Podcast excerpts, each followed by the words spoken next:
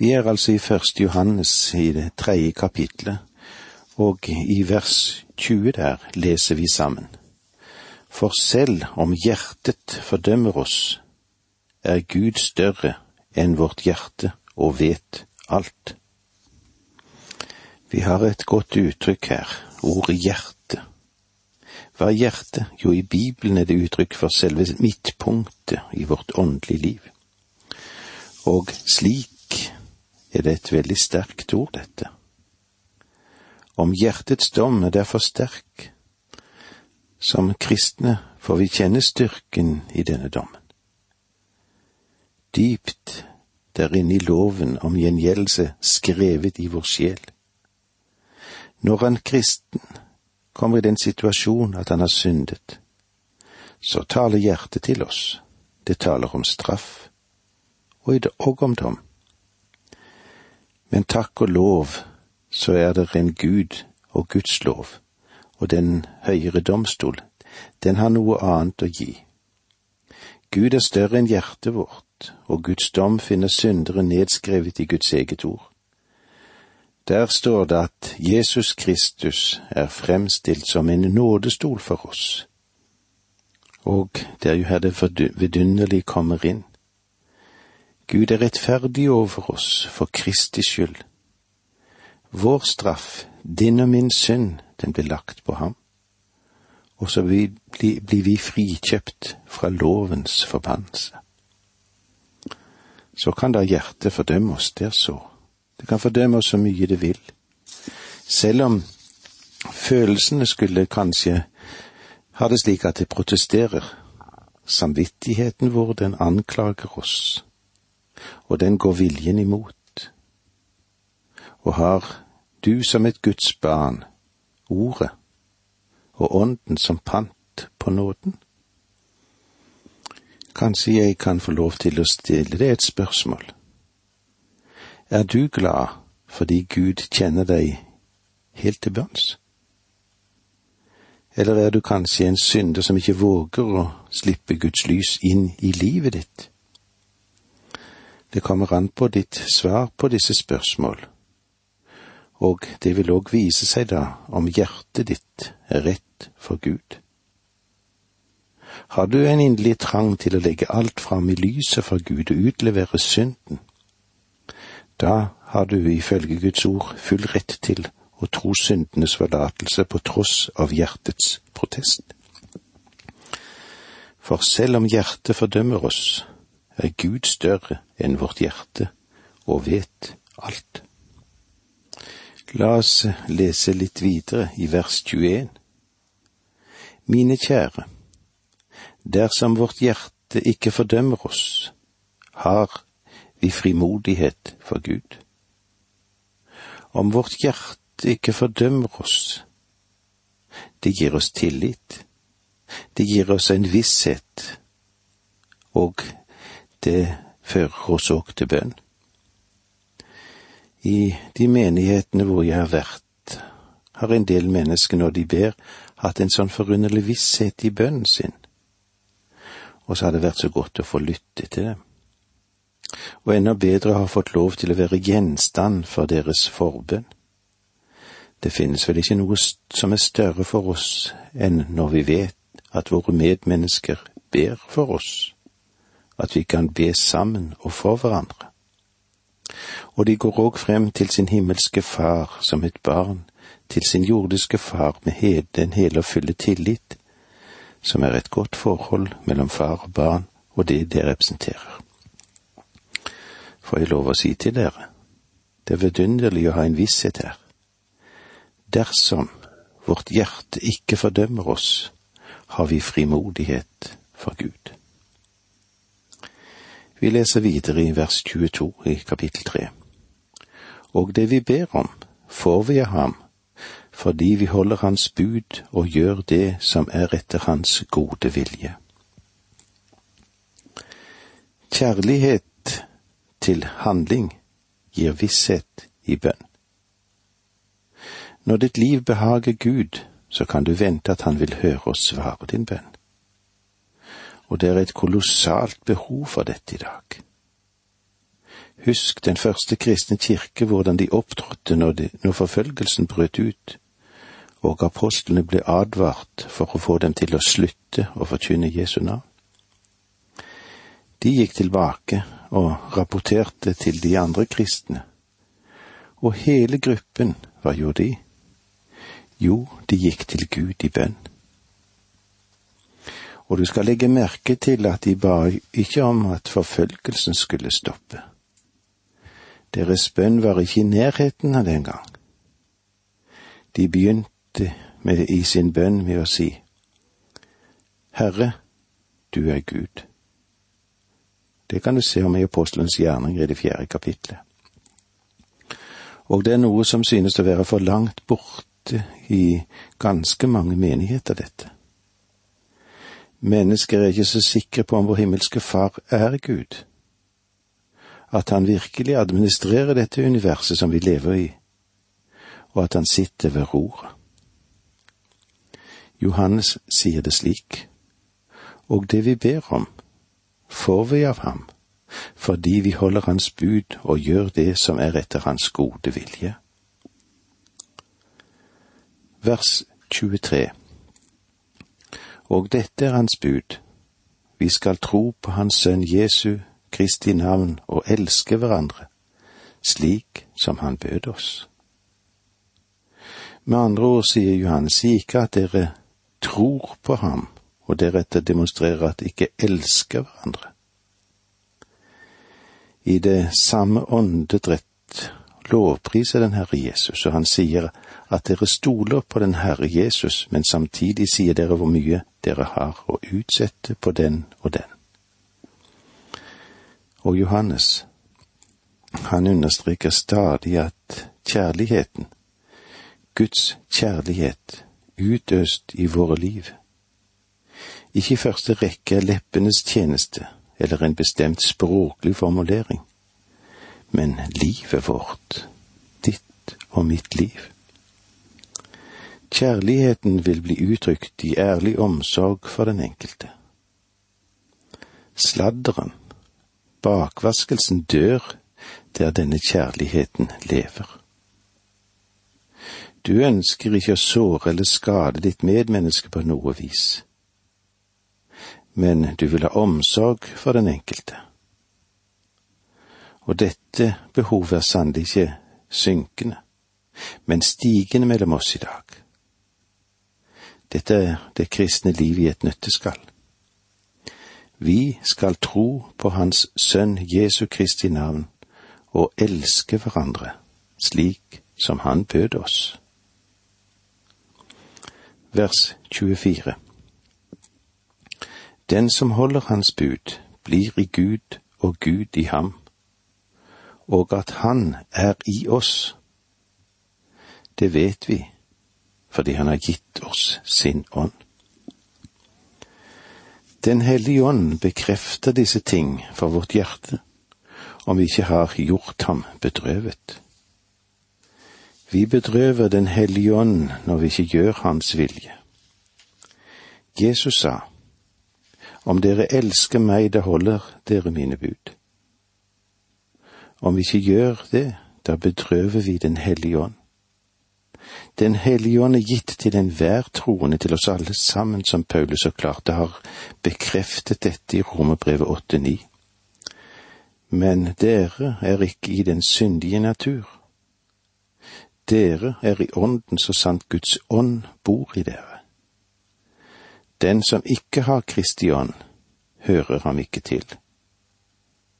Tegnet på at du er et Guds barn, er at Guds ånd bor i deg. Og det er Den hellige ånd som vil bekrefte disse tingene og levendegjøre dem for ditt hjerte. Den som holder Hans bud, blir i Gud og Gud i ham, og at Han er i oss, det vet vi fordi Han har gitt oss sin ånd. Er ikke det vidunderlig godt å vite at Han blir i oss? Den hellige ånd blir i oss. Den ånd Han ga oss. Og det er jo det vi har fått som en åndelig fødselsgave, det. slik det òg står i Apostelens gjerning i det andre kapitlet, vers 38.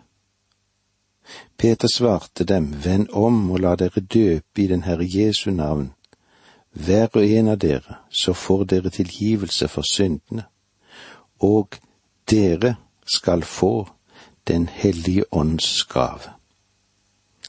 Takk for nå, må Gud være med deg.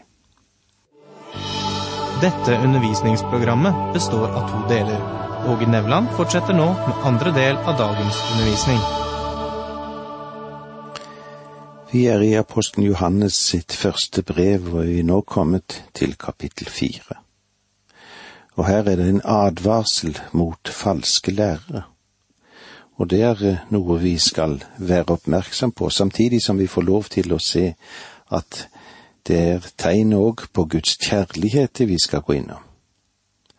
På den tiden hvor Johannes skrev dette brevet, så var det mange vranglærere, og så var det mye forvirring. Og det førte til fristelser, spesielt for de nye kristne. Apostelen kunne fortelle hvilken røster som talte fra Gud. Jesus, han som var selve ordet, inkarnasjon, han vandret omkring med en kjærlig og mild ånd, og han la òg grunnlaget for apostlenes lære, og at de òg skulle være med å forkynne et sant budskap om Jesus Kristus. Og så kommer spørsmålet til oss, vil vi være med å vinne over verden? Da må vi la Jesus få plass i våre hjerter og i våre sinn. Og eh, sier det, så er det noe forunderlig som skjer. Verden har ikke den samme tiltrekningskraft på oss. Det finnes bare én ren kilde, guddommelig kjærlighet. Og der denne kjærligheten får lov til å råde og være til stede, der vet vi at vi har vår grunn i Gud. Guds kjærlighet, hvordan er det med den? Den er uselvisk. Han elsker dem som ikke elsker. Han elsker deg. Ja, det er eh, viktige ting vi skal gå inn i her i det fjerde kapitlet i Johannes sitt brev. Vi er òg inne i en vanskelig del av Skriften. Og en av grunnene til det er at vi nå får å gjøre med verdens ånd. Og det er mange av oss som ikke vet så mye om den, kanskje. Og den andre grunnen er at vi er på djevelens territorium. Han råder jo, ser det ut for. Og det er ikke så enkelt område å bevege seg inn på dette fordi det er fremmed jord. Og fordi djevelen selv våker over sitt territorium. Men dette kapittel fire er òg et viktig kapittel. Men vi står i fare for å miste en saklig holdning, og det kan oppstå at en kan bli ganske fanatisk. Jeg tror at det er en ganske abnorm opptatthet av okkulte fenomener også blant mange kristne i denne tid som vi lever i. Og det er ikke noe ufarlig, det. Her må vi være våkne. Men vi må vite hva Bibelen lærer om dette. I de første seks versene i dette kapitlet gir Johannes oss en advarsel mot de falske lærere, de falske profetene. Han gir oss denne advarselen etter at han nettopp har understreket at vi har fått Guds ånd, og at vi er blitt gitt en salvelse for å forstå det som er av Gud. Vi leser de seks første versene her i kapittel fire. Mine kjære, tro ikke enhver ånd. Prøv åndene om de er av Gud, for det er gått mange falske profeter ute i verden. Guds ånd kjenner dere på dette hver ånd som bekjenner at Jesus Kristus er kommet i kjøtt og blod, er av Gud. Men enhver ånd som ikke bekjenner Jesus, er ikke av Gud. Det er antikristens ånd som dere har hørt skal komme, og den er allerede nå i verden.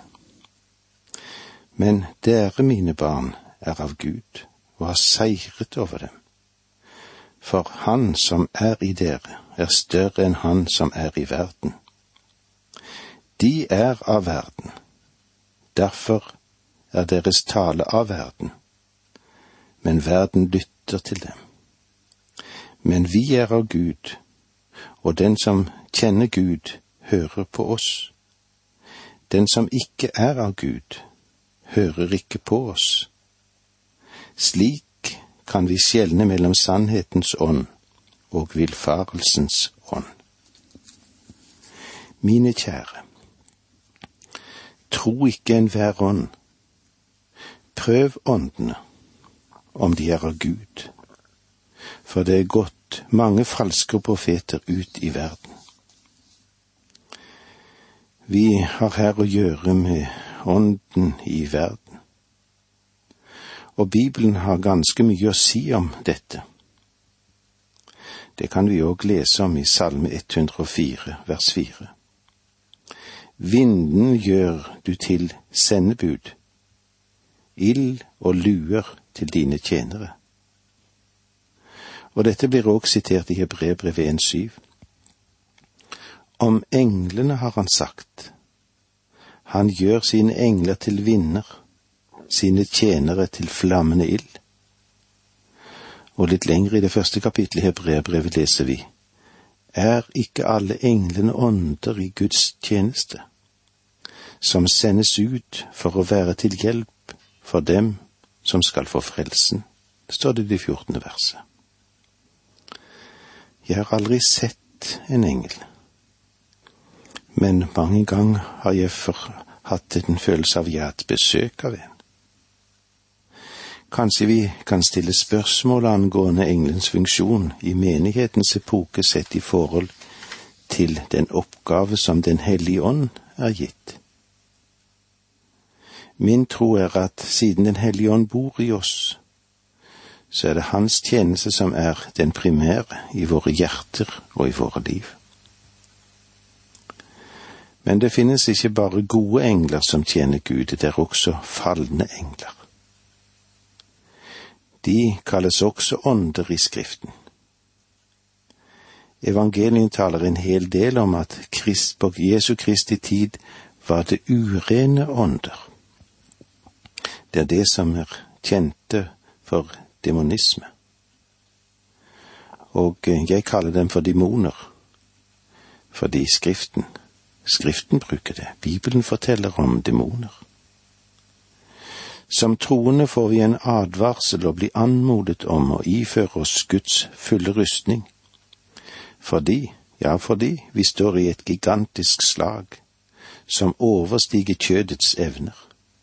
Et slag som er på det åndelige plan. Et åndelig slag. Paulus skriver om dette i Efeserbrevet 6,12 for vi har ikke en kamp mot kjøtt og blod, men mot makter og myndigheter, mot verdens hersker i dette mørket, mot ondskapens ånde her i himmelrommet. Som dette verset antyder, har djevelen sine demoner vel organisert.